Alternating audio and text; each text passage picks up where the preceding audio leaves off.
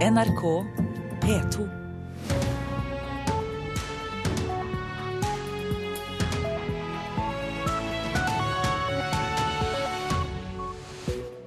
God mandagsmorgen, klokka er 6.30. Du hører på Nyhetsmorgen med Anne Gjertlund Hansen i studio. Dette er hovedsakene våre nå. Tre av fire barn som bor på barnevernsinstitusjon har psykiske lidelser, men mange får ikke den hjelpen de trenger. Man ønsker å tenke at det fins noen der ute som kan hjelpe meg og gjøre meg trygg, da. Og da blir skuffelsen så massiv når man føler at man står alene. Det sier Anna Røstbakken i Landsforeningen for barnevernsbarn. Ferjefri E39 på Vestlandet kan bli dyrere enn noen hadde regnet med. Prislappen har økt fra 150 til 268 milliarder kroner. Og det er uro internt i det franske magasinet Charlie Hebdo. Mange psykisk syke barn får altså ikke den helsehjelpen de trenger når barnevernet har omsorgen. Det viser en ny rapport. Tre av fire barn som bor på barnevernsinstitusjon har én eller flere psykiske lidelser, men bare hvert tredje barn får nødvendig helsehjelp i løpet av tre måneder. Forsker Nanna Kayed sier at det er svært alvorlig. Barna faller mellom to stoler. De som jobber i barnevernsinstitusjonene, de er utdannet eh, primært innen miljøterapi. De er ikke eh, utdannet i å, eh, å, se psykiatriske symptomer eh, eller behandle psykiatriske lidelser. Og da er det sånn at det er helsevesenet som må gi dem den behandlingen. Og dessverre så er det veldig separat i forhold til hvem som har omsorgen for barna og hvem som har ansvaret for helsehjelpen. Ja, om en liten halvtime så blir det mer om dette i Nyhetsmorgen. Da skal vi prøve å finne ut hvorfor disse barna ikke får den hjelpen de trenger. Voldelige jihadister fra terrorgrupper som IS i Syria, Boko Haram i Nigeria og Al Shabaab i Somalia har søkt asyl i Norge. Under asylavhørene har politiet beslaglagt mobiltelefoner med bilder og filmsnutter av tortur, lemlestelser og henrettelser. Det bekrefter Politiets utlendingsenhet og Politiets sikkerhetstjeneste til Dagsavisen i dag. Asylsøkere som har deltatt i straffbare handlinger skal utelukkes fra flyktningstatus. Siden 2008 så dreier det seg om mellom 90 og 100 personer, ifølge tall fra Utlendingsdirektoratet. Straffenivået for overgrep mot barn er lavere enn for dyremishandling, ifølge Aftenposten. Avisen sammenligner saken der en mann ble dømt til seks måneders fengsel for å ha druknet hunden sin, med en sak der en mann ble dømt til fengsel i fem måneder for overgrep mot eh, flere barn. Og reporter Julia Loge, hva er grunnlaget for Aftenpostens eh, sammenligning i dag? Det er jo da um, den saken som går i Drammen tingrett i dag, som er en av norgeshistoriens aller um, groveste overgrepssaker mot barn. Der en av de tiltalte tidligere er dømt også da for overgrep mot barn, bl.a. en tolvåring. Uh, da fikk han fem måneder i fengsel um, som straff i 2009. Dette blir sammenlignet med den saken som var oppe tidligere i mars i år der en mann prøvde, eller avlivet hunden sin ved å um, binde den til et betonglokk og kaste den i elven. Eh, og fikk da seks måneder for dette. Dette er jo enkeltsaker. Er dette representativt for straffenivået generelt? Vel, Det stemmer jo med den gjennomgangen NRK hadde i høst av, nei, av voldssaker mot barn, eh, der de fant at straffenivået generelt er lavt. Og Barneombudet Anne Lindboe um, sier at straffenivået i Norge i dag ikke gjenspeiler alvoret i handlingen når det gjelder saker mot barn, og viser til bl.a. at straffenivået er langt høyere for annen alvorlig kriminalitet, bl.a. Ja, økonomisk kriminalitet og gatevold. Um, men det ligger jo i eh, Justisdepartementets føringer at sånn, det generelle straffenivået for overgrepssaker mot barn skal ligge rundt seks måneder. Takk skal du ha, reporter Julia Loge. Singapores grunnlegger og første statsminister Lee Kuan Yew er død, 91 år gammel. Lee døde på et sykehus i Singapore etter at han har vært syk en stund. Og Asia-korrespondent Peter Svaar, hvem var han? Han var den britiskutdannede unge juristen på 25 år som gikk inn i politikken, og som endte med å i stor grad skape det som ble det moderne Singapore. Han tok denne lille og ganske fattige havnebyen uten naturressurser og transformerte den til en moderne, om en autoritær bystat, der innbyggerne i dag er blant dem med Sørøst-Asias høyeste levestandard. Han ble kjent for å være kompromissløs og hard. Han innførte ting som tyggegummiforbudet. Han gikk til ruinering dominerende injuriesøksmål mot alle sine politiske meningsmotstandere.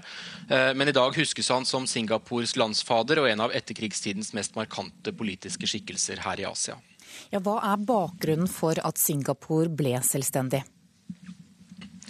Selvstendighet var jo ikke Lee Kuan Yus verk eller ønske. Tvert imot, han førte Singapore inn i union med Malaysia som statsminister i 1963 etter etter eh, britisk eh, uavhengighet. Men det gikk veldig dårlig, ikke minst pga. mistenksomheten mellom etniske kinesere og malayer, som igjen førte til at Singapore to år senere ble kastet ut av et enstemmig parlament i Kuala Lumpur. Og I 1965 var Singapores uavhengighet et faktum. Lee Kuan Yew gråt i den første TV-talen hvor han erklærte Singapore som egen stat, og sa at han hele sitt liv hadde jobbet for å unngå nettopp dette utfallet. Og Lee Kuan Yu dør altså samtidig som Singapore skal feire 50-årsdagen for uavhengighet. Hva slags stat er det han har bygget opp og styrt? Det er en autoritær bystat der politisk opposisjon er så godt som forbudt, der det ikke eksisterer uavhengige medier, der partiet hans, People's Action Party, har styrt siden eh, grunnleggelsen med overveldende flertall. Det er en stat med enorme inntekts- og klasseforskjeller, en stat der en fjerdedel av innbyggerne er underbetalte fremmedarbeidere uten rettigheter, men også en velorganisert bystat med langt mindre korrupsjon enn ellers i Asia, med en sosial boligpolitikk som har gjort at det er mulig for for vanlige arbeidere å kjøpe seg en leilighet. Singapore er et finans- og forretningssentrum, den viktigste basen for norsk næringsliv i Asia. Og Li lyktes med et av sine viktigste prosjekter, nemlig å skape en stat der den kinesiske majoriteten sameksisterer med malayer og indere uten for store gnisninger på tross av sine ulike kulturer og religioner. Takk skal du ha, Asia-korrespondent Peter Svaar. Kostnadene ved å lage et eh, ferjefri E39 gjennom Vestlandet blir mye høyere enn antatt. Nye tall fra Vegvesenet viser at prisen på veien mellom Stavanger og Trondheim blir 268 milliarder kroner. Rasmus Hansson fra Miljøpartiet De Grønne mener gigantbroene på Vestlandet vil ødelegge for tog, buss og bane rundt de store byene. Jeg tenker først og fremst at hele prosjektet er et eh, stjerneeksempel på utdatert samferdselspolitikk. Ferjefri E39 på Vestlandet kan bli dyrere enn noen hadde regna med.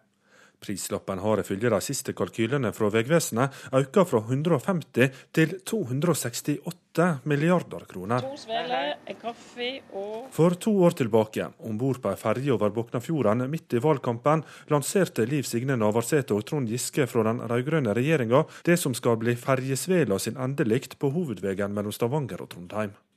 Den gangen skulle prosjektet med sju enorme bruer koste 150 milliarder kroner og være klart innen 20 år. For meg og for alle andre vestlendinger så er det en drøm som eh, nå skal gå i oppfølging. Nå er det 18 år igjen, og veien kan komme til å koste 268 milliarder før den står ferdig.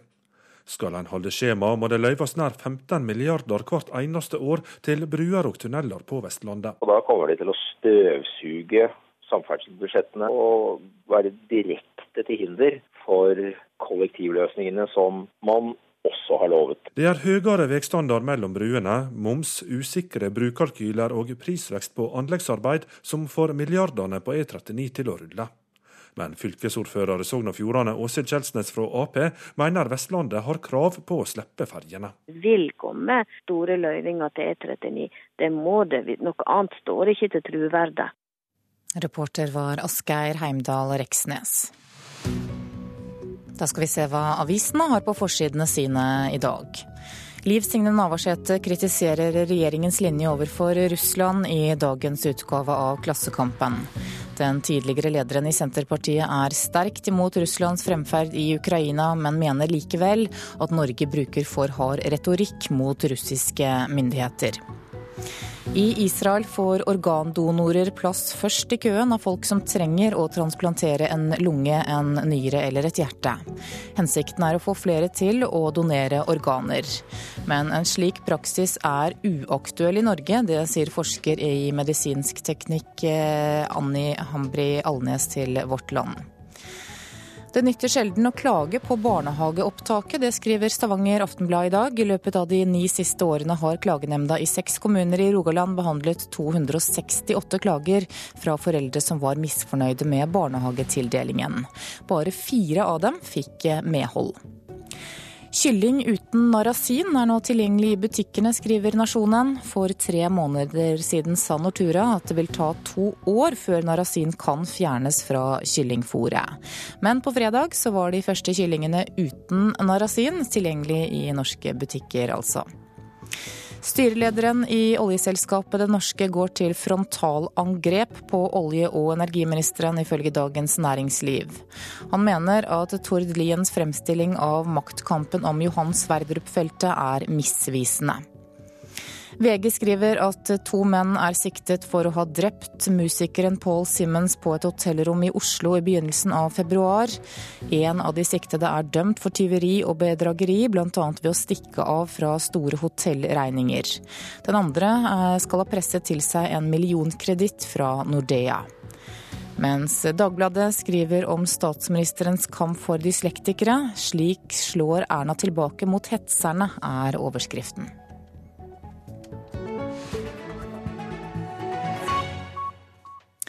I dag så er det Nordens dag, og dette blir markert flere steder her i landet. Generalsekretær Espen Stedje i Foreningen Norden, god morgen. God morgen.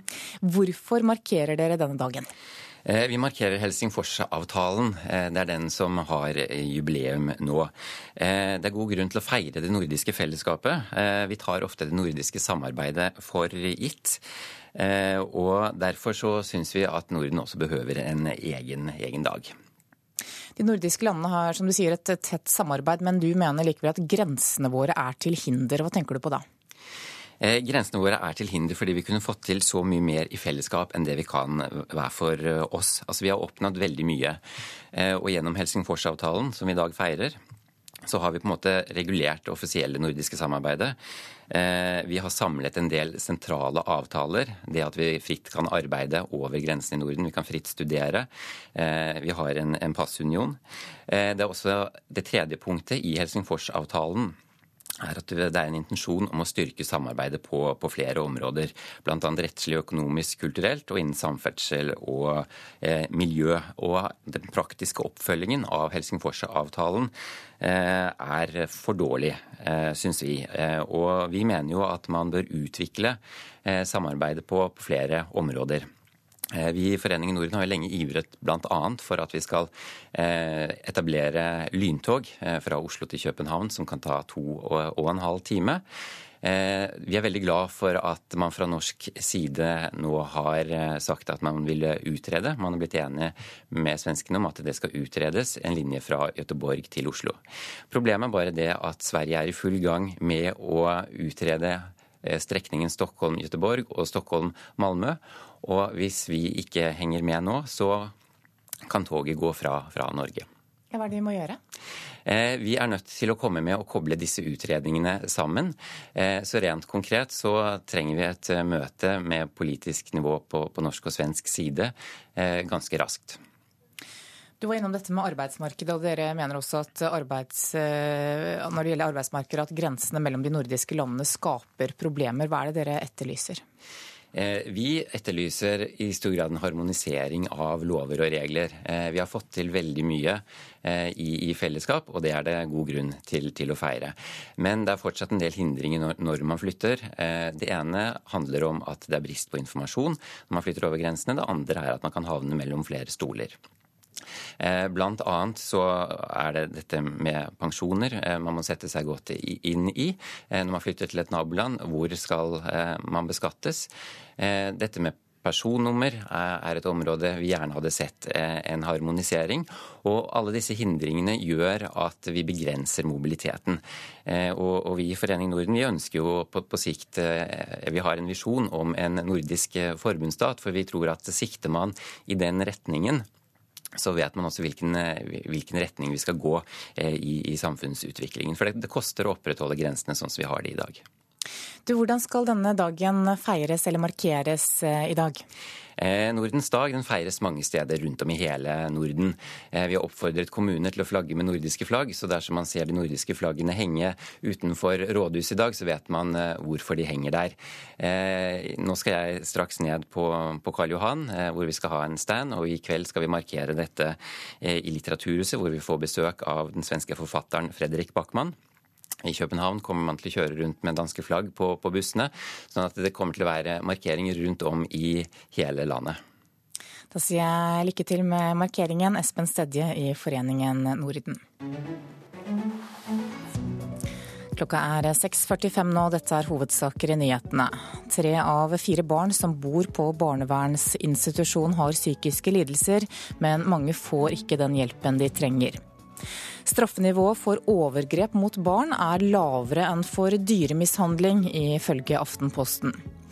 Og vi skal straks ut i gatene i hovedstaden, for der er nemlig vårrengjøringen i full gang nå.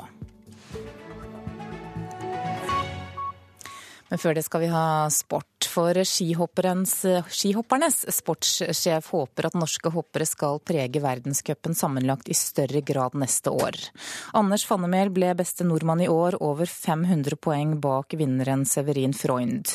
Neste år så er målet at en nordmann skal stå på toppen etter sesongslutt, sier sportssjef Glas Brede Bråten. Det er det definitivt. Både individuelt og som lag. I år gikk verdenscupen til tyske Severine Freund. Neste år håper hopplandslaget at den skal gå til Norge, og da er det to navn det snakkes om. Rune Velta og Anders Fannemel. Det blir å fortsette å utvikle seg som skihopper, og kanskje ønske er å være med og prege v-cupen enda mer. Ja, hvis jeg jobber hardt og riktig, så håper jeg at jeg klarer å ta nye steg til neste sesong. Så for å se hvor bra det blir, da. Det sier årets to beste norske hoppere. Fannemel han ble beste nordmann i verdenscupen i år med sin fjerdeplass. Men Claes Brede Bråten han har kanskje aller mest troen på verdensmester Rune Velta. Ja, Velta har jo vært en av de aller beste hopperne nå på slutten av sesongen. Eh, jeg tipper at Rune kommer til å fortsette å jobbe jevnt og trutt, sånn som han alltid har gjort. Eh, det er lite som tyder på at Rune Velta kommer til å ta av, for å si det sånn. Vi har muligheten framover, vi trenger litt mer erfaring. Landslagstrener Alexander Støkkel han tenker litt mer langsiktig med både Velta og Fannemel. De trenger kanskje ett-to år til til å være i stand til å kjempe om, uh, kjempe om uh, sammenlagtseieren. Men Velta han tar gjerne kula allerede neste år, og han er klar på hva som må forbedres. Jeg må starte sesongen litt bedre enn det, det jeg gjorde i år. Men det er mange renn før jul, og du må være med der. Da... Så det må bli målet neste år, og prøve å henge med fra starten av. Reporter her, det var Henrik Agledal. I går snødde det i hovedstaden, men i dag så er vårrengjøringen like fullt i gang i gatene i Oslo. Reporter Erik Engen, du er på Vålerenga. Hva er det som skjer der du er? Akkurat nå så sitter jeg og maskinfører her, Ståle Hansen, og ser på en del parkerte biler som fremdeles står i denne gata vi er i, som heter Etterstadgata. Der er det skilta med at klokken syv så er det parkeringsforbudt og veiarbeid. Så det er nok eh, noen som kommer til å gå på en eh, liten parkeringsbot eh, her oppe på Vålerenga. Vi sitter i en grønn traktor med en gul, stor sånn henger bak med, med masse koster. Og akkurat nå så, det, så er vi rundt og driver og, og vekker folk. Er, det, er det så mange biler som pleier å stå i veien for deg når du begynner? Ja, det er dessverre det. Det er mye biler som står som ikke ser skiltinga. Tenk om du hadde fått akkord på per bil. Da hadde det vært bra vårfeiing. du, I går eh, så, så, kom det altså over hovedstaden, og jo høyere du kom, jo mer kom det eh, som snø som la seg. Eh, hvit vinter igjen, hva, hva tenkte du da før dagen i dag? Nei, Da var jeg helt sikker på at vårfeiinga skulle bli utsatt. Men sånn gikk det altså ikke, og her sitter vi med da sommerutstyret bak. Det er et godt vårtegn å få her rundt i gatene? Ja da, det er det. Det er fint når det blir eh, feid opp og det ser fint ut. Det er eh, en god del grus som har blitt uh, brukt i år. og Vi ser at ute i Asker og Bærum så har de til og med brukt feil grus. Det er blitt for, for, for skarp grus og alle ting. Sånn at mange sykler har punktert og sånn. Men nå skal uh, sykkelhjul og pensko reddes, og, og gruset skal vekk. Men det er ikke bare jeg som syns at det er mye grus i år. Det har vært grusa en del. Ja da, det har vært en vinter som tilsier at vi må gruse bra, så da, da er det blitt bra grusa. Og denne grusen skal altså vekk, og, og, nå er det i gang. Det er første dag i dag. og Er det sånn at folk blir litt mer oppmerksom på dere jo lenger ut på våren dere kommer? At det, kanskje folk tror det er litt tidlig å sette i gang med vårrengjøring nå? Ja, det er klart. Eh, jo lenger ut i sesongen du kommer, jo bedre blir det for bila sin del. Nå kan vi da advare de på, på Vålerenga her at en del av gatene her skal eh, feies i dag. og greit å komme seg ut nå før klokka sju, eh, for eh, da blir det bøter og tauing. Det er riktignok ikke langt herfra bort til inntauingssentralen, men det er en sur vei å gå an for å betale over 2500 kroner for å hente en feilparkert bil. Og nå skal altså våren fram i Oslos gater. og den grusen du fjerner det, det, I gamle dager, holdt på si, for ikke mange år siden, så var det litt mer slepen holdning til denne grusen. Da var den resirkulert og, og det hele, men nå går det som spesialavfall. Ja, det er riktig. Det blir tippa i konteinere fra vår del og kjørt inn som spesialavfall. Og Da ender det altså så står der i sted, opp som av alle ting matjord. Og dermed så er eh, kretsløpet gått i, i ett her, da. Fra Vålerenga, hvor de gjerne synger på fotballkampene for en gjeng med bønder, til matjord for bøndene. Takk skal du ha, reporter Erik Engen. Vi skal høre at det er uro nå internt i det franske magasinet Charlie Hebdo. Satirebladet var konkurstruet før terrorangrepet i januar, der tolv personer ble drept. I ettertid har donasjoner og flere abonnenter ført til store overskudd. Men nå har elleve ansatte gått sammen for å kreve innsyn i ledelsens fremtidige planer. Il est dommage que Charlie Hebdo rentre en konflikt avec euh, ce qu'ils ont pu avoir euh, subi. Euh, Hela världen stod enad för Charlie Hebdo. Synd att det nu råder starka motsättningar på redaktionen, tycker abonnenten Anne-Marie som är förvånad över det som sker på satirtidningen. I helgen kom överraskande uppgifter om att det råder stor oenighet på Charlie Hebdo-redaktionen.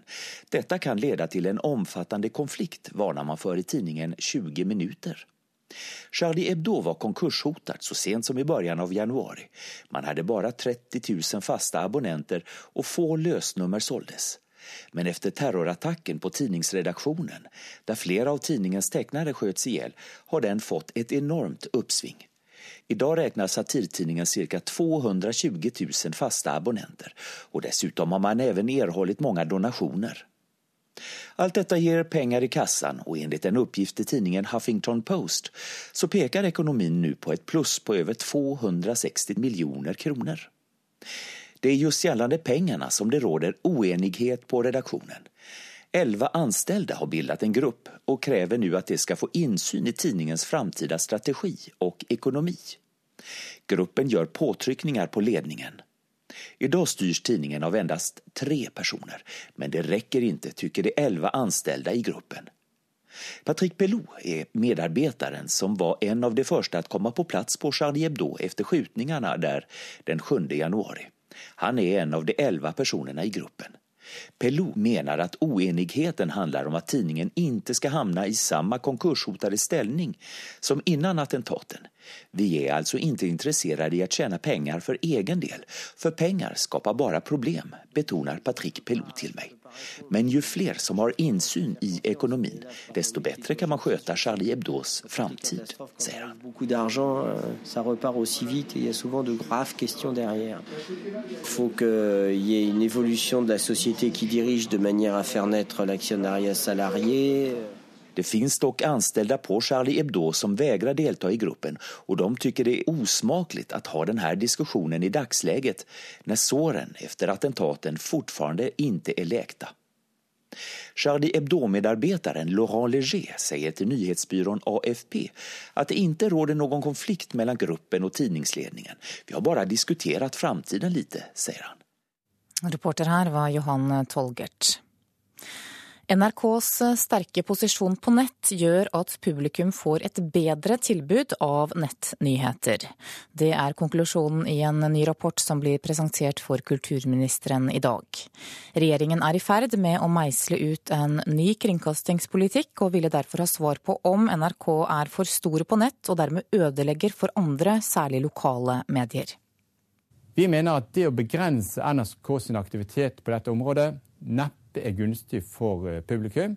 Og det vil heller ikke i noen særlig grad bidra til økte inntekter for regionale og lokale nettaviser. En enkel konklusjon fra professor Lars Sørgaard. Sammen med en gruppe forskere tilknyttet Norges handelshøyskole står han bak rapporten som er bestilt av Kulturdepartementet.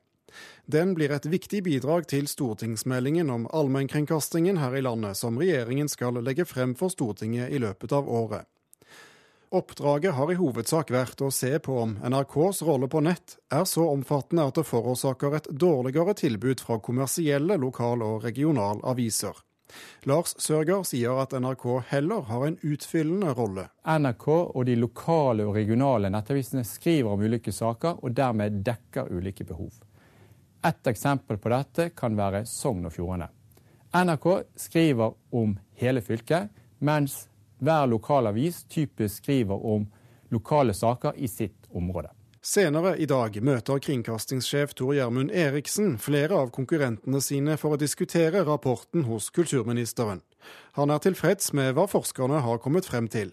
Nei, Jeg oppfatter dette som et veldig viktig forskningsbasert og faktabasert bidrag inn i debatten om eh, NRKs eh, rolle. Mediebedriftenes Landsforening, som organiserer de fleste konkurrentene til NRK, ber Stortinget om å vedta nye regler for å gjøre det tydelig hvor grensen skal gå mellom NRK og de som lever av reklame og abonnenter.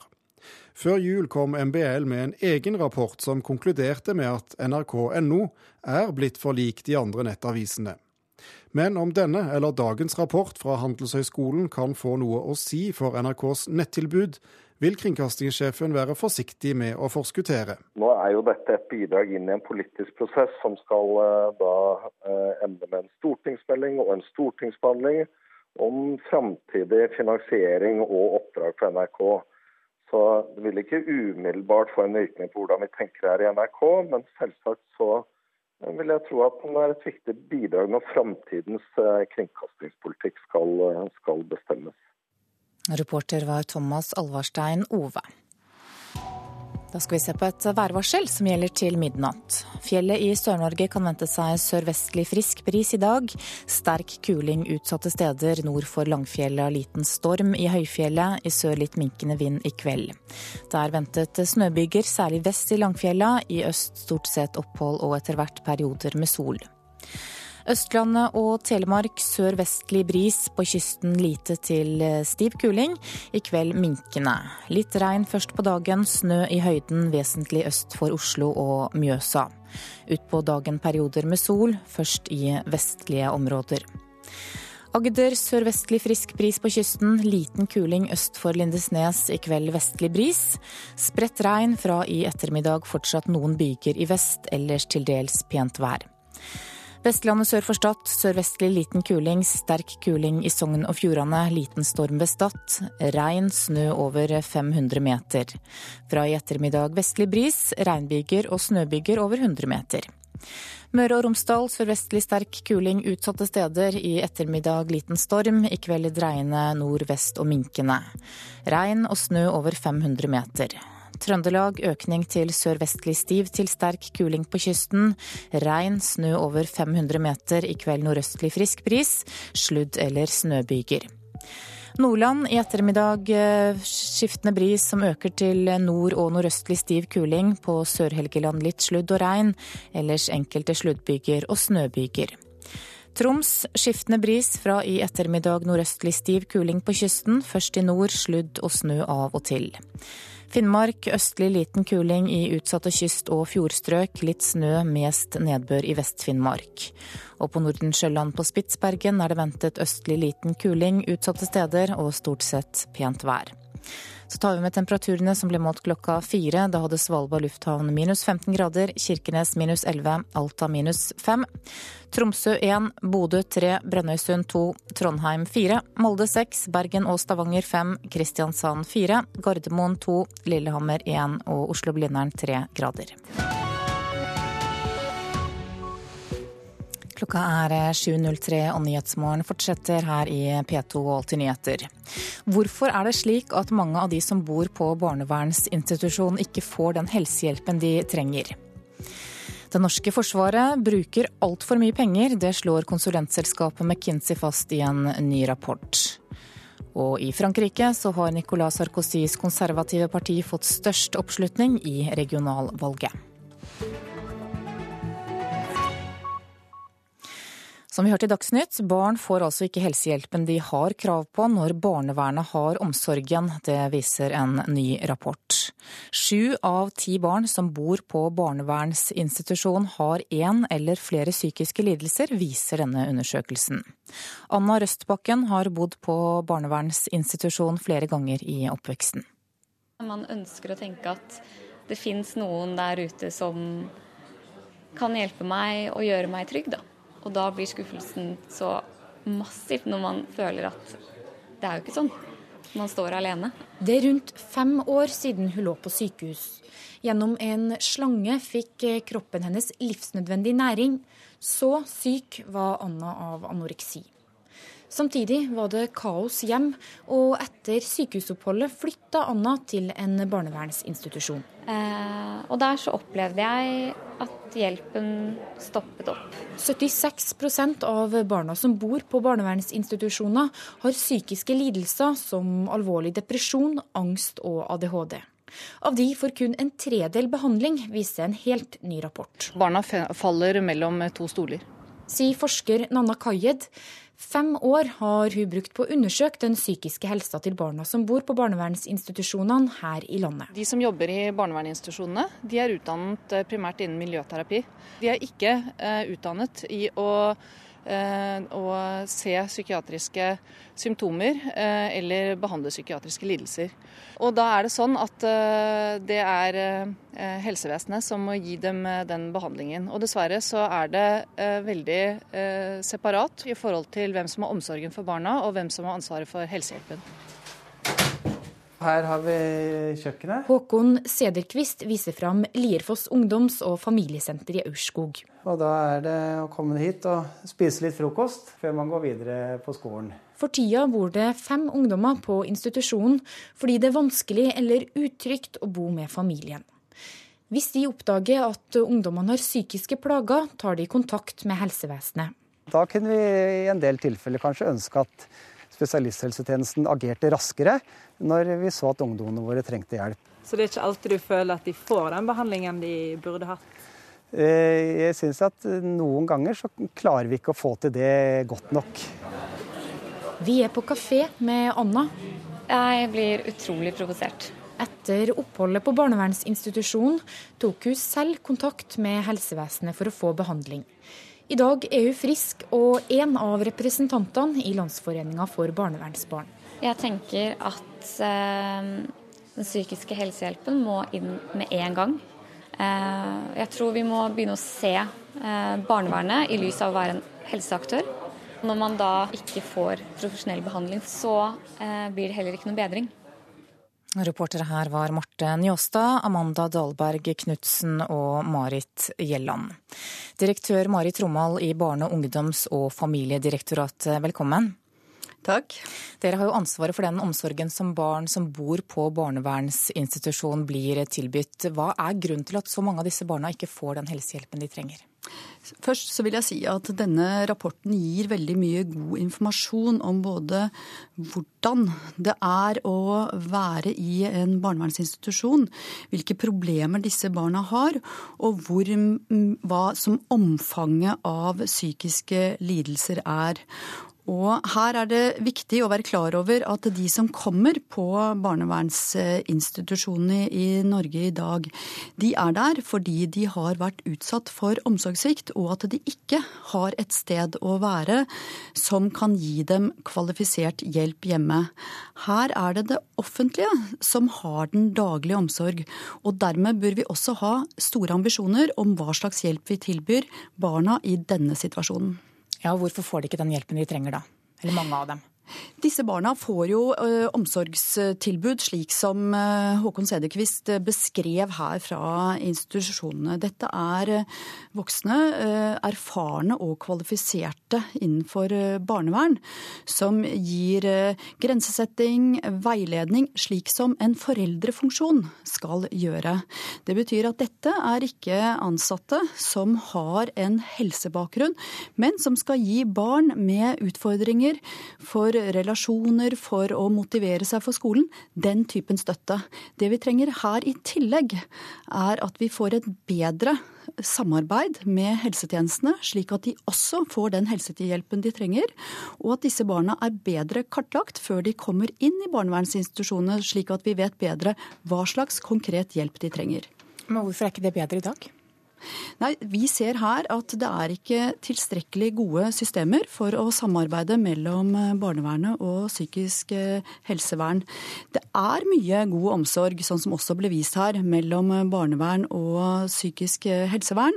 Og det er igangsatt mye arbeid mellom helsemyndighetene og barnevernsmyndighetene for å forbedre dette tilbudet. Og denne rapporten viser at det er på høy tid at vi får fart på dette arbeidet.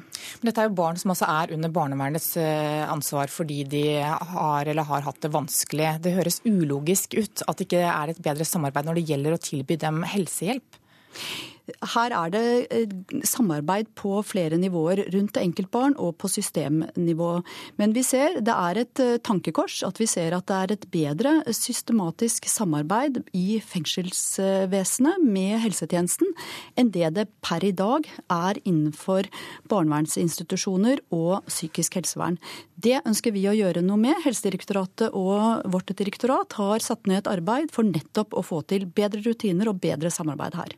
Hvilke konsekvenser tror du det får for disse barna? Da? At de, sånn som hun som hørte unnslaget her, måtte ringe selv for å, få, for å få den helsehjelpen hun trengte når hun da var ute av institusjonen?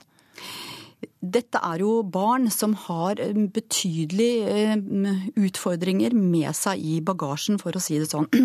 Det at de har såpass eh, alvorlige psykiske lidelser og ikke får en behandling, det er alvorlig. Vi må i større grad se på det som et mulighetsrom mens barn er i barnevernsinstitusjoner, og nettopp motivere dem for behandling, slik at de kan komme i gang med et godt behandlingstilbud mens de er i barnevernsinstitusjoner, og så deretter planlegge for for en god overføring til de kommunale tjenester, slik at de også får et tilbud etter de har vært innenfor barnevernsinstitusjonen. Hva med å ha helsepersonell inne på institusjonene da, i en eller annen form?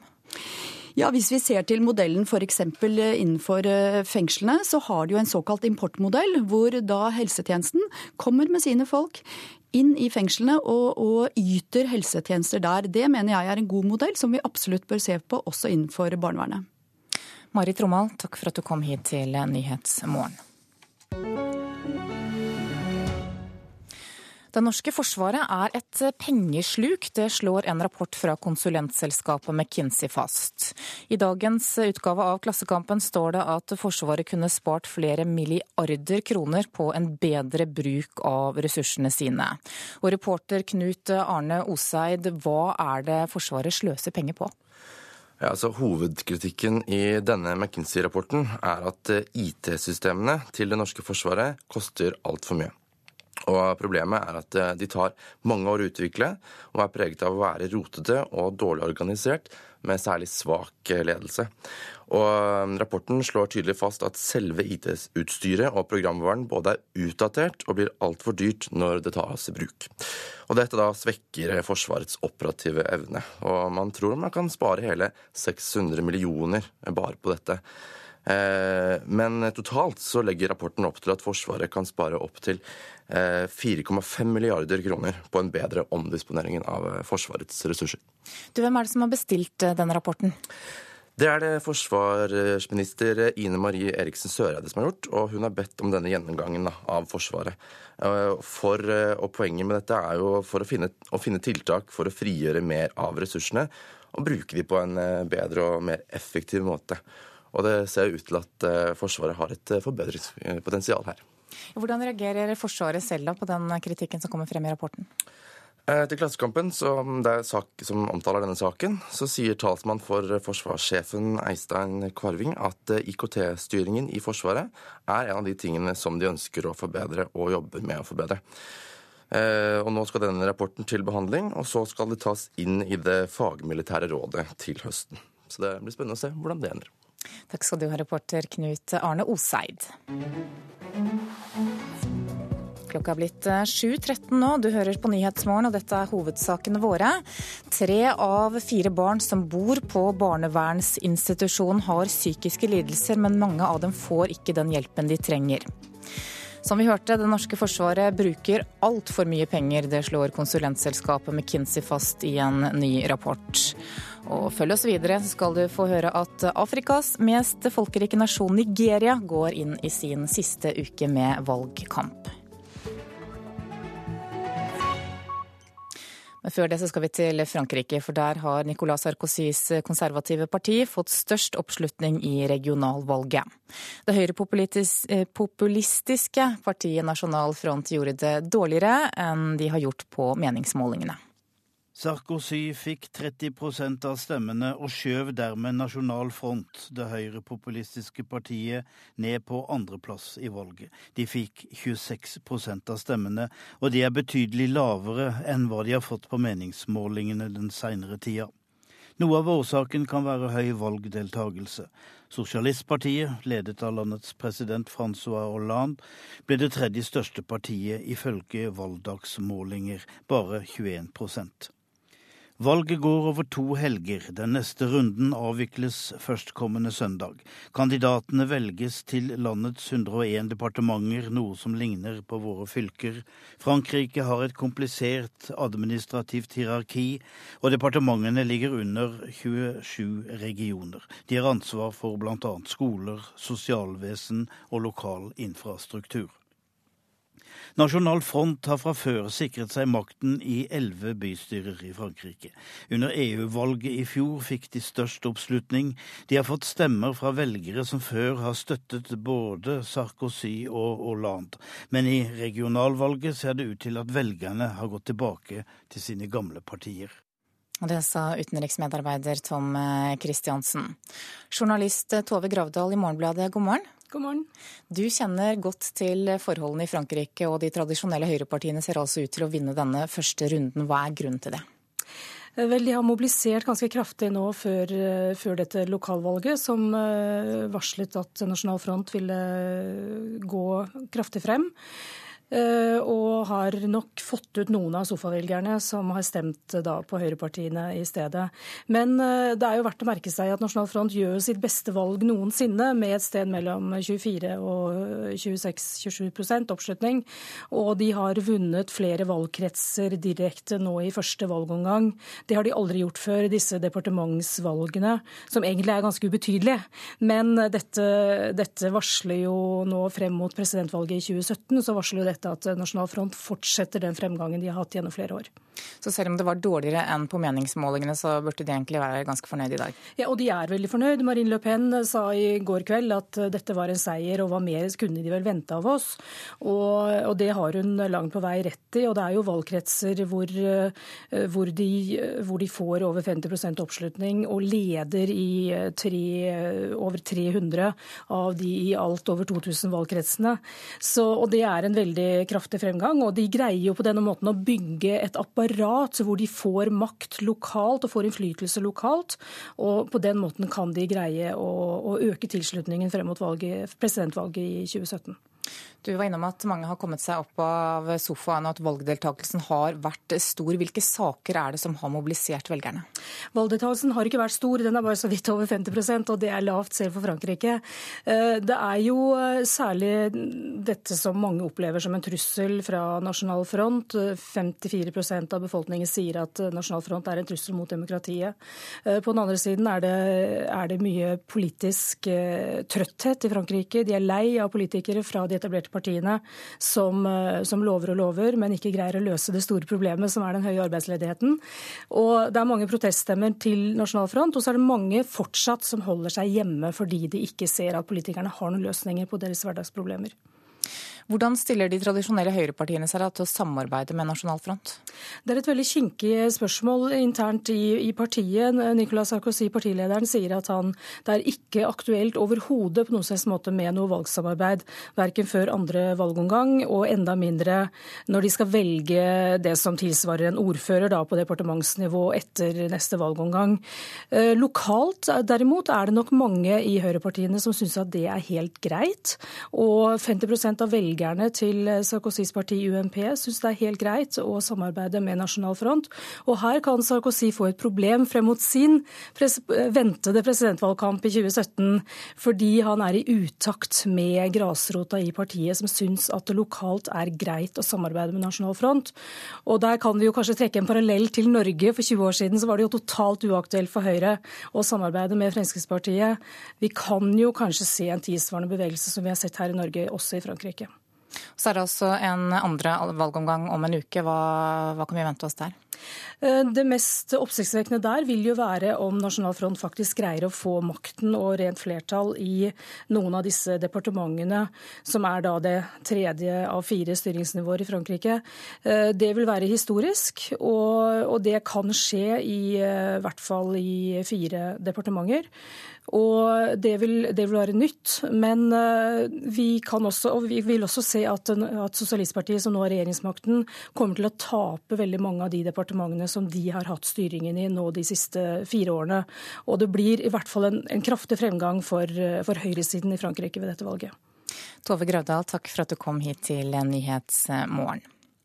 Nå skal vi til eh, Afrika, for eh, Afrikas mest folkerike nasjon, nemlig Nigeria, går inn i sin siste uke med valgkamp. Valget først, ble først utsatt i seks uker for å gi militæret tid til å bekjempe Boko Haram. Og Afrikakorrespondent Kristine Presttun direkte med oss nå fra hovedstaden Abuja. Hvordan går det med kampen mot disse militante islamistene? Militæret i Nigeria hevder at de har tatt tilbake store landområder eh, disse siste ukene. Og ifølge presidenten så skal det ikke ta mer enn én måned før Boko Haram er helt jaget ut av eh, Nigeria. Nå er det jo valgkamp, så man må jo ta noen eh, påstander med en klype salt. Men det er uten tvil at det er store byer og, og landsbyer som der militæret nå har tatt tilbake kontrollen. Og dette har de gjort med hjelp fra nabolandene, altså Tsjad, Niger og Kamerun. Og sist i går var det styrker fra Tsjad som bombet en eh, landsby inne i Nigeria, på grensen mot eh, Niger. Men de jeg snakker med her, de sier jo at det er eh, De tror ikke noe på at Boko Haram kan bli fullstendig utradert. Det har jo også vært flere selvmordsangrep i det siste. Men folk er rett og slett lettet over at det nå endelig blir gjort noe. Og det er også drosjesjåføren min her i Abuja. Yes, it's a good thing they did that, but it's very saddening that they've not done that for the past six years, and they are doing it now. What for? Ja visst, det er bra at de bekjemper Boko Haram nå, men hvorfor har de ikke gjort noe de siste seks årene, spør taxisjåføren Joe, som mener at president Goodluck Jonathan har mye å svare for. Honestly, the president has so many questions to, to answer. Joe rister kraftig på hodet mens han trykker hardt på gasspedalen med flip-floppene og argumenterer for at Nigeria trenger forandring. Nigeria need change because with the kind of leadership we have, corruption is at the increase. Dagens ledere er korrupte. Bare pengene de har brukt på valgkampen hadde vært nok til å utvikle dette landet, mener Joe, som etterlyser bedre veier, nye sykehus og ikke minst elektrisitet, som er en mangelvare i Nigeria. Nothing, you cannot develop without electricity. Drosjesjåføren støtter opposisjonen med den tidligere generaldiktatoren Muhammadu Buhari i spissen, og har stor tro på at han kan vinne valget på lørdag. Actually, if the, if the election is free and fair, Buhari will have 100 Tilbake til deg, Afrikakorrespondent Kristine Presttun. Har drosjesjåføren din grunn til å tro at det kan bli et maktskifte i Nigeria? Dette her er faktisk et veldig spennende valg. fordi at For første gang på 16 år så er det en reell opposisjon eh, i landet. Altså Demokratiet ble innført i 1999, men siden den gang så er det ett parti, PDP, eh, som har dominert eh, nigeriansk politikk. Men så, for et par år siden, så var det fire opposisjonspartier som slo seg sammen. Og de utgjør nå en helt ny kraft.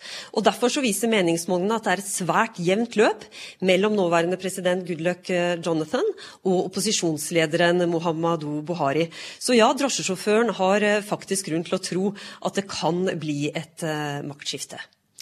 Hva med valgfusk? Kan vi vente oss rettferdige valg i år? Folk i Nigeria har generelt eh, svært liten tiltro eh, til at valgene kan bli gjennomført uten eh, fusk. Men de jeg har snakket med, de sier at endelig så tror de faktisk at denne gangen så kan det bli et fritt og rettferdig valg. Og Grunnen er at de har stor tillit til mannen som leder den offentlige valgkommisjonen. Og det han har gjort, og kommisjonen har gjort, det er at de har innført nå elektroniske valgkort, der folk må identifisere seg med fingeravtrykk. Og Vi kan jo bare ane hvilket stort prosjekt det er i dette landet her, der det er eh, nesten 69 millioner registrerte velgere. Så får vi jo se om, eh, om, valget faktisk eh, blir gjennomført på rettferdig vis, og ikke minst hvordan valgresultatet blir mottatt blant eh, folk. Fordi kommentatorer her de frykter at et jevnt resultat kan føre til politisk vold i etterkant. Takk skal du ha, Afrikakorrespondent Kristine Presttun. Da skal vi se hva avisene her hjemme har på forsidene sine. Flere tar til orde for strengere straffer for overgrep mot barn i Aftenposten i dag. Avisen sammenligner to dommer. En som ble dømt til fem måneders fengsel for overgrep mot barn, mens en annen mann ble dømt for å ha druknet hunden sin. Han fikk fengsel i eh, fem måneder. Det er noe riv ruskende galt, mener Barneombudet. Dagsavisen skriver at voldelige jihadister fra terrorgrupper som IS, Boko Haram og, Somalia, eh, og Al Shabaab i Somalia søker asyl i Norge. Under asylavhørene har politiet beslaglagt mobiltelefoner med bilder og fei og snutter av tortur, lemlestelser og henrettelser, ifølge Politiets sikkerhetstjeneste og Politiets utlendingsenhet. Liv Signe Navarsete kritiserer regjeringens linje overfor Russland i dagens utgave av Klassekampen. Den tidligere lederen i Senterpartiet er sterkt imot Russlands fremferd i Ukraina, men mener likevel at Norge bruker for hard retorikk mot russiske myndigheter. Det nytter sjelden å klage på barnehageopptaket, skriver Stavanger Aftenblad i dag. I løpet av de ni siste årene har klagenemnda i seks kommuner i Rogaland behandlet 268 klager fra foreldre som var misfornøyde med barnehagetildelingen. Bare fire av dem fikk eh, medhold. Kylling uten narasin er nå tilgjengelig i butikkene, skriver Nasjonen. For tre måneder siden så sa Nortura at det vil ta to år før narasin kan fjernes fra kyllingfôret, men på fredag så var de første kyllingene uten dette stoffet tilgjengelig i norske butikker.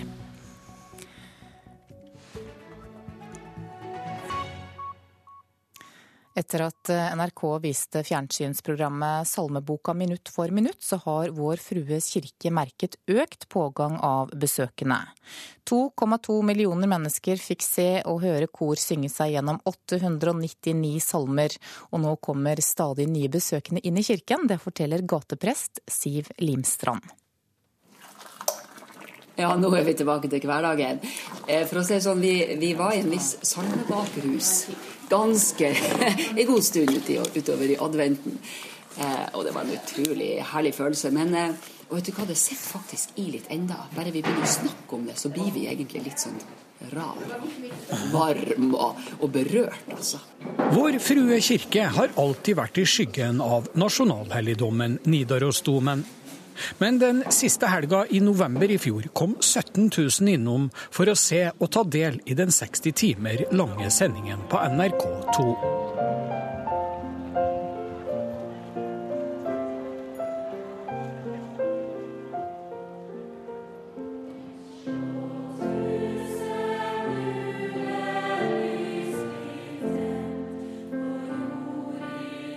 Har ting endra seg? Det er, det er folk som, har, som, sier at de har fått et forhold til, til kirka. Vi har, eh, vi har nok, noe som nesten jeg vil kalle for salmeturister, som kommer innom. Kanskje mer sånn like før jul, men vi har enda folk som dropper innom, som, eh, som på et vis fikk et forhold til kirka uh, gjennom det at de satt og så på det på TV-en, og vil komme inn og, og kjenne litt på stemninga. Uh, fordi at de følte at de fikk et forhold til rommet i løpet av den sendinga. Og òg til salmene. Um, bokhandlene gikk jo tom for salmebøker. Jeg kan vel kjenne sånn at vi gikk ifra å være liksom, byens åpne kirke til hele landets åpne kirke. Jeg tror nok at mange har fått øynene opp for den, og både hvor vakker den er, men òg at den faktisk er åpen. Det, det, er bare å gå inn dørene hver dag hele året gjennom. Og, og i helgene så kan du òg være der utover kveldene. Og, og noen netter òg om sova, hvis du skulle ha bruk for det åpne rommet. Alt er ved det gamle igjen i det som omtales som Folkets kirke. Og de vi treffer denne formiddagen, vil gjerne være anonyme. Det har blitt mer folk, syns jeg, etter den, den tida. Men det var kjempefin helg, altså. Har det vært bare positivt, eller? Har jeg syns det har vært positivt. Det syns jeg. Ja.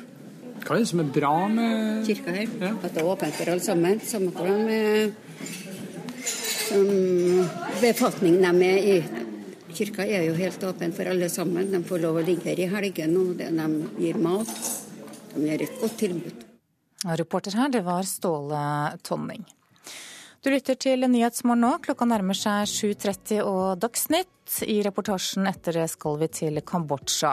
For 40 år etter at Røde Khmer-regimet splittet tusenvis av familier, så vil et fjernsynsshow nå hjelpe dem å finne tilbake til hverandre igjen. Produsent for Nyhetsmorgen i dag heter Marit Selmer Nedrelid, og her i studio Anne Jetlund Hansen.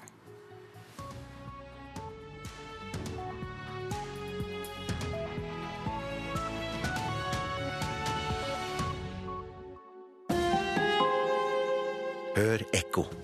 Tenk deg å være liten gutt og bli stengt inne på rommet ditt hele sommerferien som straff for alt det gale du har gjort de siste månedene. Hakan og Kenneth fra rappgruppen Tonna Bricks har vært der. Nå reiser de rundt på skoler og forteller ufiltrert om hvor ødeleggende vold mot de nærmeste kan være. Ekko 9 11 i NRK P2.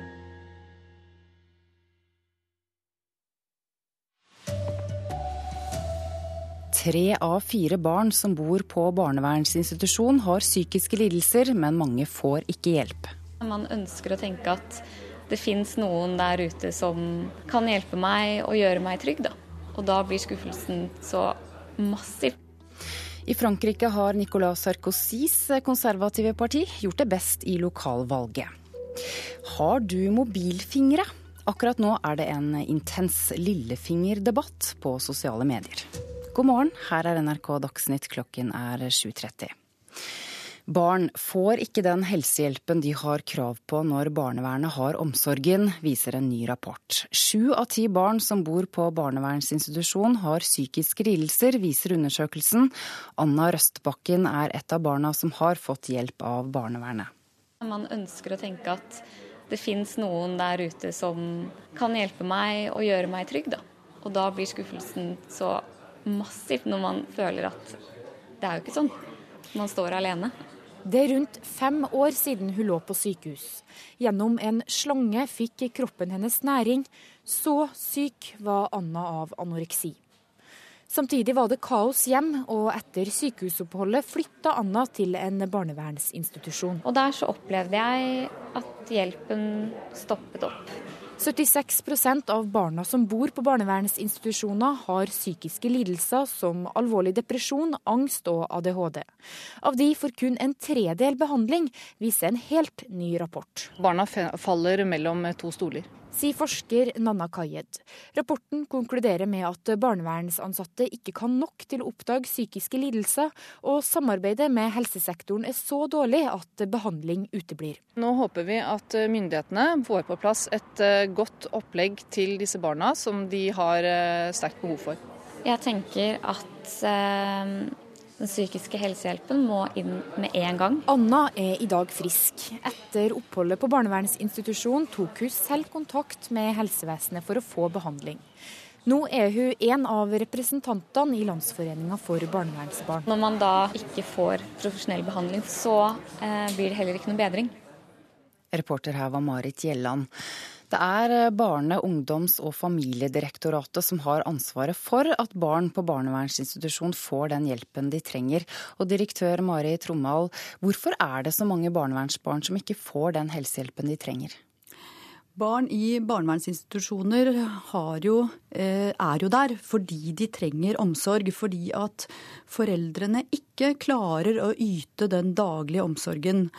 Og når de er i barnevernsinstitusjoner, så er det ansvaret man har der, er nettopp å yte den daglige omsorgen, sette grenser, regulere følelser, motivere for skole og også sikre helsehjelp. Det denne undersøkelsen viser, er at det er så mye psykiske lidelser som barn har, at man trenger bedre helsetjenester for at de kan klare å få behandling for disse mens de er i institusjonen. Ja, hvorfor eh, får ikke barnevernsbarna den hjelpen de trenger? Det kan være flere årsaker til det, men jeg tror at her må vi nok mer se på et opphold i institusjoner som et mulighetsrom. Disse barna trenger å bli bedre kartlagt i forkant, slik at vi vet nøyaktig hvilken hjelp de trenger og de trenger en bedre behandling mens de er i institusjonene, og en enda bedre plan for hvilken helsehjelp de trenger når de skal ut av institusjonene. Lover du at dere kan bedre situasjonen? Helsedirektoratet og vårt direktorat har iverksatt flere tiltak, både for å bedre kompetansen innenfor eh, institusjonstilbudet, men også se på andre måter å organisere dette på, slik at det er et mulighetsrom mens man er i institusjon, fremfor et venteskjær for disse barna. Takk for at du kom, direktør eh, Mari Trommal eh, i Barne-, ungdoms- og familiedirektoratet. Vi skal til Frankrike, for der har Nicolas Sarkozys konservative parti fått eh, størst oppslutning i regionvalget. Det høyrepopulistiske Nasjonal Front gjorde det dårligere enn de har gjort på meningsmålingene.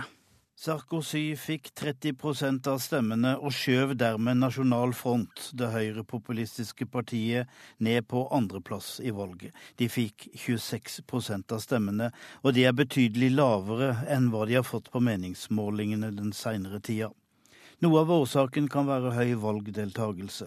Sosialistpartiet, ledet av landets president Francois Hollande, ble det tredje største partiet ifølge valgdagsmålinger, bare 21 Valget går over to helger. Den neste runden avvikles førstkommende søndag. Kandidatene velges til landets 101 departementer, noe som ligner på våre fylker. Frankrike har et komplisert administrativt hierarki, og departementene ligger under 27 regioner. De har ansvar for bl.a. skoler, sosialvesen og lokal infrastruktur. Nasjonal Front har fra før sikret seg makten i elleve bystyrer i Frankrike. Under EU-valget i fjor fikk de størst oppslutning. De har fått stemmer fra velgere som før har støttet både Sarkozy og Hollande. Men i regionalvalget ser det ut til at velgerne har gått tilbake til sine gamle partier. Sa utenriksmedarbeider Tom Christiansen. Den planlagte fergefrie veien mellom Stavanger og Trondheim kommer til å koste nesten dobbelt så mye som først planlagt. Veien kommer til å koste hele 268 milliarder kroner, viser nye tall fra Vegvesenet. Gigantbroene på Vestlandet kommer til å ødelegge for utbyggingen av tog, buss og bane rundt de store byene, sier Rasmus Hansson fra Miljøpartiet De Grønne. Jeg tenker først og fremst at hele prosjektet er et eh, stjerneeksempel på utdatert samferdselspolitikk. Ferjefri E39 på Vestlandet kan bli dyrere enn noen hadde regna med. Prislappen har ifølge de siste kalkylene fra Vegvesenet økt fra 150 til 268 milliarder kroner. To sveler, kaffe og For to år tilbake, om bord på ei ferje over Boknafjorden midt i valgkampen, lanserte Liv Signe Navarsete og Trond Giske fra den rød-grønne regjeringa det som skal bli ferjesvela sin endelikt på hovedveien mellom Stavanger og Trondheim. Den gangen skulle prosjektet med sju enorme bruer koste 150 milliarder kroner og være klart innen 20 år. For meg og for alle andre vestlendinger så er det en drøm som uh, nå skal gå i oppfølging. Nå er det 18 år igjen, og veien kan komme til å koste 268 milliarder før den står ferdig. Skal en holde skjema, må det løyves nær 15 milliarder hvert eneste år til bruer og tunneler på Vestlandet. Og Da kommer de til å støvsuge samferdselsbudsjettene og være direkte til hinder for kollektivløsningene som man også har lovet. Det er høyere veistandard mellom bruene, moms, usikre brukalkyler og prisvekst på anleggsarbeid som får milliardene på E39 til å rulle. Men fylkesordfører i Sogn og Fjordane Åse Kjelsnes fra Ap mener Vestlandet har krav på å slippe ferjene. vil komme store løyvinger til E39. Det må det. Noe annet står ikke til truverdet. Reporter Asgeir Heimdal Reksnes.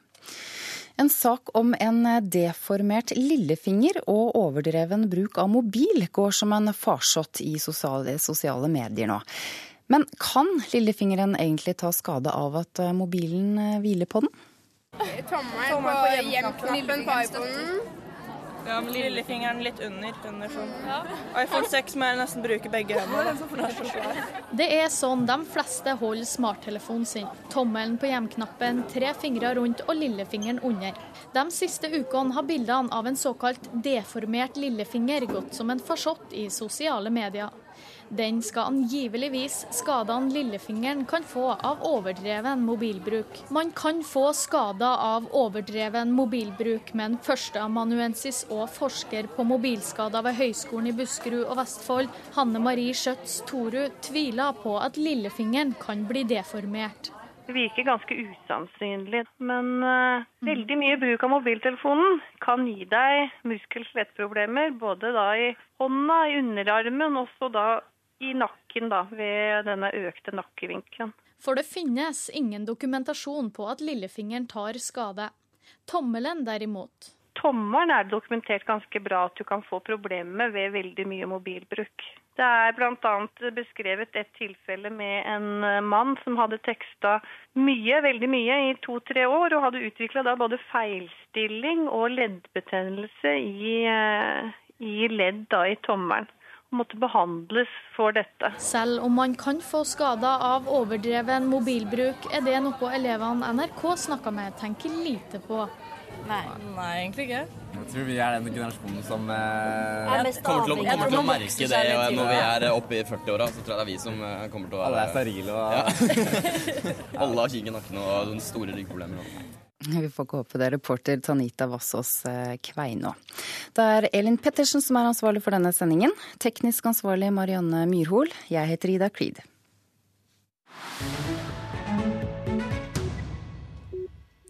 Klokka er 7.40 nå, og Nyhetsmorgen fortsetter.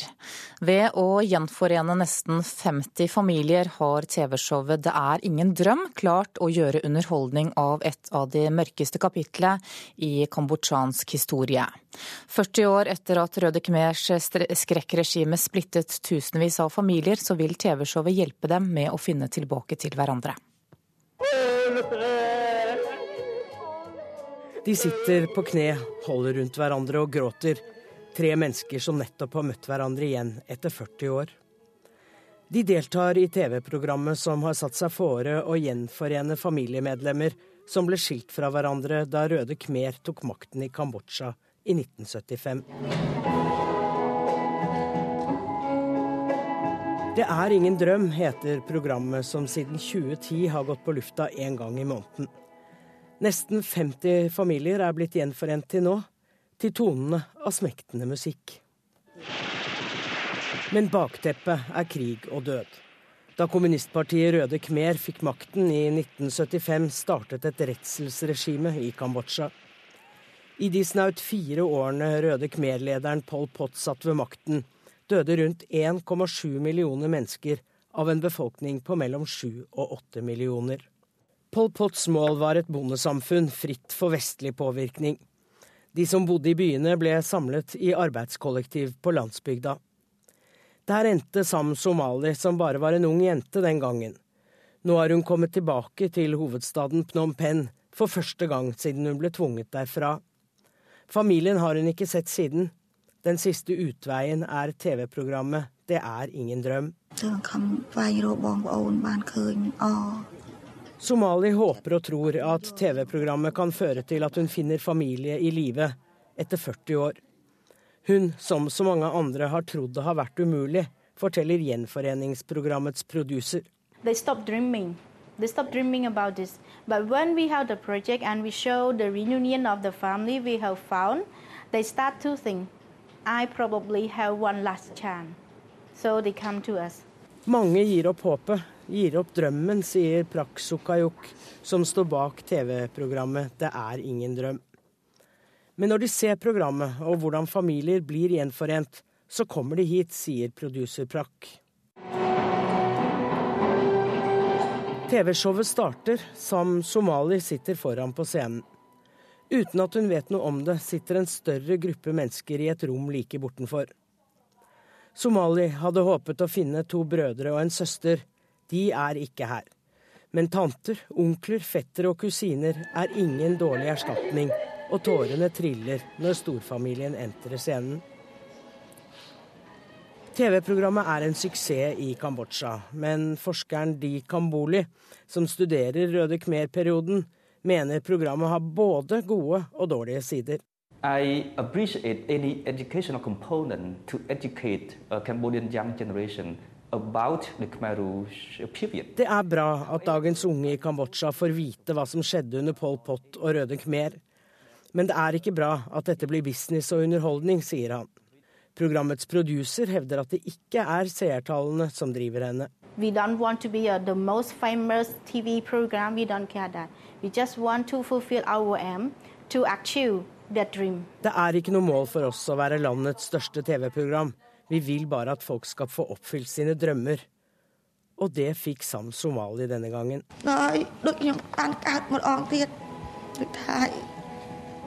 Dette er som å bli født på nytt. Når jeg nå har møtt mine foreldres slekt etter 40 år, er det som å få livet i gave igjen, sier Sam Somali. Reporter her var Anette Groth. Klokka er 7.44 nå, dette er hovedsaker i Nyhetsmorgen. Barn får ikke helsehjelpen de har krav på når barnevernet har omsorgen, det viser en ny rapport. Den ferjefrie veien E39 på Vestlandet blir dyrere enn noen hadde regnet med. Prislappen har økt fra 150 til 268 milliarder kroner. Og det norske forsvaret sløser bort skattepenger. Det slår konsulentselskapet McKinsey fast i en ny rapport. Klokka nærmer seg 7.45, og du skal få Politisk kvarter. Programleder i dag, det er Håvard Grønli.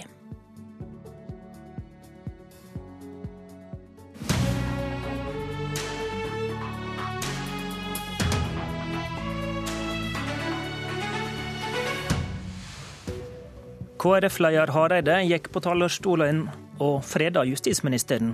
Eller var det først og fremst en trussel? Mens Senterpartileder Vedum gikk på sin talerstol og refsa KrF. Eller var det først og fremst et frieri? De to partilederne har gått ned fra talerstolene og har satt seg i Politisk kvarterstudio. Kanskje får vi noen svar her. God morgen, KrF-leder Knut Arild Hareide. Tusen takk for det. Fredag konkluderte du med at KrF ikke støtter mistillitsforslaget som er reist mot justisminister Anders Anundsen pga. utsending av lengeværende barn av foreldre som har søkt asyl. Når KrF har brukt så sterke ord om justisministeren, og du også konkluderer med at han har feilinformert Stortinget, hvorfor har da KrF fremdeles tillit til justisministeren? Nå tror jeg det er viktig at vi skiller de to sakene. Det ene er altså en kontrollsak der vi har i realiteten kontrollert hva informasjonen som er kommet til Stortinget, og har det vært feilinformasjon, og eventuelt hvordan har den feilinformasjonen kommet fram i Stortinget. Det andre er jo saken rundt asylbarna. Eh, og det er jo ikke sånn at vi kan trekke den konklusjonen at hadde vi gått for mistillit, så hadde vi hjulpet asylbarna. Ja, snarere tvert imot. Men vi er nødt til å se på de to sakene atskilt. Og vi har gått grundig eh, og veldig og gjort en meget god jobb i kontrollsaken. Og da har vi landa ned på at det riktige er å komme med et vedtak om sterk kritikk. Det har ikke skjedd i min tid som leder i KrF at vi har gått for et vedtak med sterk kritikk i Stortinget, og det er meget alvorlig. Og Bakgrunnen for det er jo at vi mener at det er kommet feilinformasjon. Den politikkendringen som ble sett på som å være veldig viktig, er i realiteten ikke nådd fram til de ytre etatene. Eh, som, eh, eh, og, og, det er meget alvorlig. Og vi mener ut ifra en objektiv vurdering at da er sterk kritikk det riktige. Hvorfor var det ikke nok til mistillit? da? Ja, Blant annet så har jo justisministeren beklaga eh, allerede til Stortinget 2.12. noe av dette, ikke helheten. Er det greit da? For det, har, for, det, er, eh, det, er en parlamentarisk tradisjon at det har betydning at en beklager. Og jeg vil òg si at eh, når jeg stilte tydelige politiske krav, så er det fordi at regjeringa har altså beklaga deler av det som har skjedd i denne saken. Da er det desto viktigere at en rydder opp og viser at den beklagelsen er reell, òg når det kommer til politikk. Selv om ikke det har noe med selve kontrollsaken. Så er det òg sånn at eh, så langt vi har sett, så kan vi ikke se dokumentert at dette er gjort bevisst fra justisministerens side. Ja, er, er det det, det avgjørende skillet, da? nei, jeg vil bevisst? si uh, det er det ikke. Fordi at vi må se på at det kom til feilinformasjon. Hvorfor legger eh, dere da vekt på om det var bevisst? Det jeg sier, det er at det er en parlamentarisk tradisjon. Både for å ta hensyn til beklagelse. Eh, vi vet jo bl.a. i 22. juli saken og kontrollhøringen der, så var det ingen som fremma mistillit til slutt. Blant annet den sterke beklagelsen til Stoltenberg var med på å gjøre at en del landa på den konklusjonen. Så, så, det er et eksempel på at det har hatt betydning. Vi vet at uh, Oppsett uh, i sin tid sa seg lei på uh, Han brukte ikke ordet 'beklager' fordi han er nynorsk, men han sa seg lei for. Det hadde betydning for, for hvordan Stortinget da har håndtert spørsmål om kritikk Eh, mistillit. Eh, men alt i alt så er det sånn at eh, hadde vi gått for en mistillit her, så mener jeg at vi hadde senka terskelen for mistillitsforslag i Stortinget. Og så er det òg KrFs tradisjon. Vi har en tradisjon som politisk parti i de sakene vi har hatt, at vi har vært forsiktige med mistillit. Og vår konklusjon denne ville vært helt den samme om det var en rød-grønn regjering eller en blå-blå som vi har i dag. Var politiske, strategiske vurderinger en del eh, av vurderinga di når du konkluderte med at en ikke stemmer for mistillit? Jeg tror alle mistillitsforslag i Norge blir satt inn i en politisk kontekst. Eh, men vi eh, har altså landa på sterk kritikk fordi vi mener det er det reelt sett riktige i denne saken. Ingen, ingen strategiske skulle, vurderinger. Hadde vi meint at det skulle vært mistillit, så måtte vi òg stått for det ut ifra en politisk håndtering. Var du redd for regjeringskrise, da? Um, jeg har um, uh, Selvfølgelig så, så, ser vi dette inn i en helhet, men selve vurderingen i kontrollsaken, så mener jeg at vi har et uh, uavhengig ansvar. Det må vi vurdere, og det har vi gjort i denne saken her. Og vi mener reelt sett at en sterk kritikk, og, og for å si sånn, en sterkere ting i vedtak i Stortinget, det er ikke noe hverdagslig. Det er altså første gang det har skjedd Eh, under min tid som, eh, som eh, leder av denne stortingsgruppa. Så, så, det er jo noe meget alvorlig, og et meget tydelig signal òg til justisministeren. Det, det, er rett at det ikke er hverdagslig, men alle vet jo at den alvorlige streken å krysse er jo om du stemmer for mistillit eller ikke. Det er klart at det har, kan lett få en annen politisk eh, Eh, konklusjon hvis vi velger det. Men i denne saken så måtte vi òg vært beredt for det, hvis vi mener at mistillit hadde vært retta. Hvorfor er det bedre for asylbarna eh, at dere gjør det på denne måten, enn at dere støtter mistillit mot Anundsen? Jeg tror vi skal være øh, forsiktige med å konkludere at det ene eller andre ville vært bedre for asylbarna. Det, det, er, det, er jo slik du argumenterer. Eh, nei, det jeg har sagt, det er at det som er viktig for oss nå, er at når regjeringen har beklaga denne saken, så må de òg rette opp i de feilene som er gjort. Det vil kunne ha betydning for asylbarna. Så tror jeg et mistillitsforslag, hva følge det ville fått, det ville da kunne bety Eh, en ny regjering. Eh, hvem som kommer inn som statsråd, det ville vært umulig å si. Så å si følgende for asylbarna den gang, eh, med det følget, det kan jeg ikke trekke. Men det vi vet, er jo et lite paradoks her, er at noe av det vi kritiserer justisministeren for, er at han har ført rød-grønn politikk over for lang tid.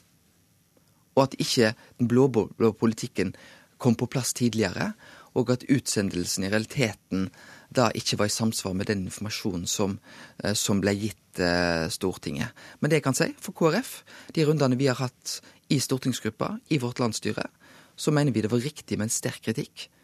Men vi gir et utrolig tydelig signal til regjeringa at nå må de rette opp for de feilene som er gjort i denne saken. Og det vil kunne ha betydning for asylbarn. Og det er asylbarna som er viktigst for KrF. Det er det vi har lovt velgerne. Vi har ikke lovt velgerne at vi skal eh, ha et statsrådshode på et fat, men vi har lovt at vi skal bruke hver en mulighet til å kjempe for asylbarna. Har du framstilt det som et ultimatum til Erna Solberg?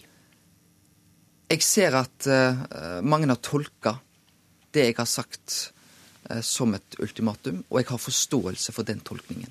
Har du framstilt det sånn til henne i samtaler dere to imellom? Jeg har hatt gode samtaler med både Erna Solberg, Siv Jensen og Trine Skei Grande om hva vi mener skal gjøre for å rette opp feilene rundt asylbarna. Ikke kontrollsaken. Men når vi har diskutert asylbarna, så har både Trine Skei Grande og jeg vært klokkeklar på hva vi mener.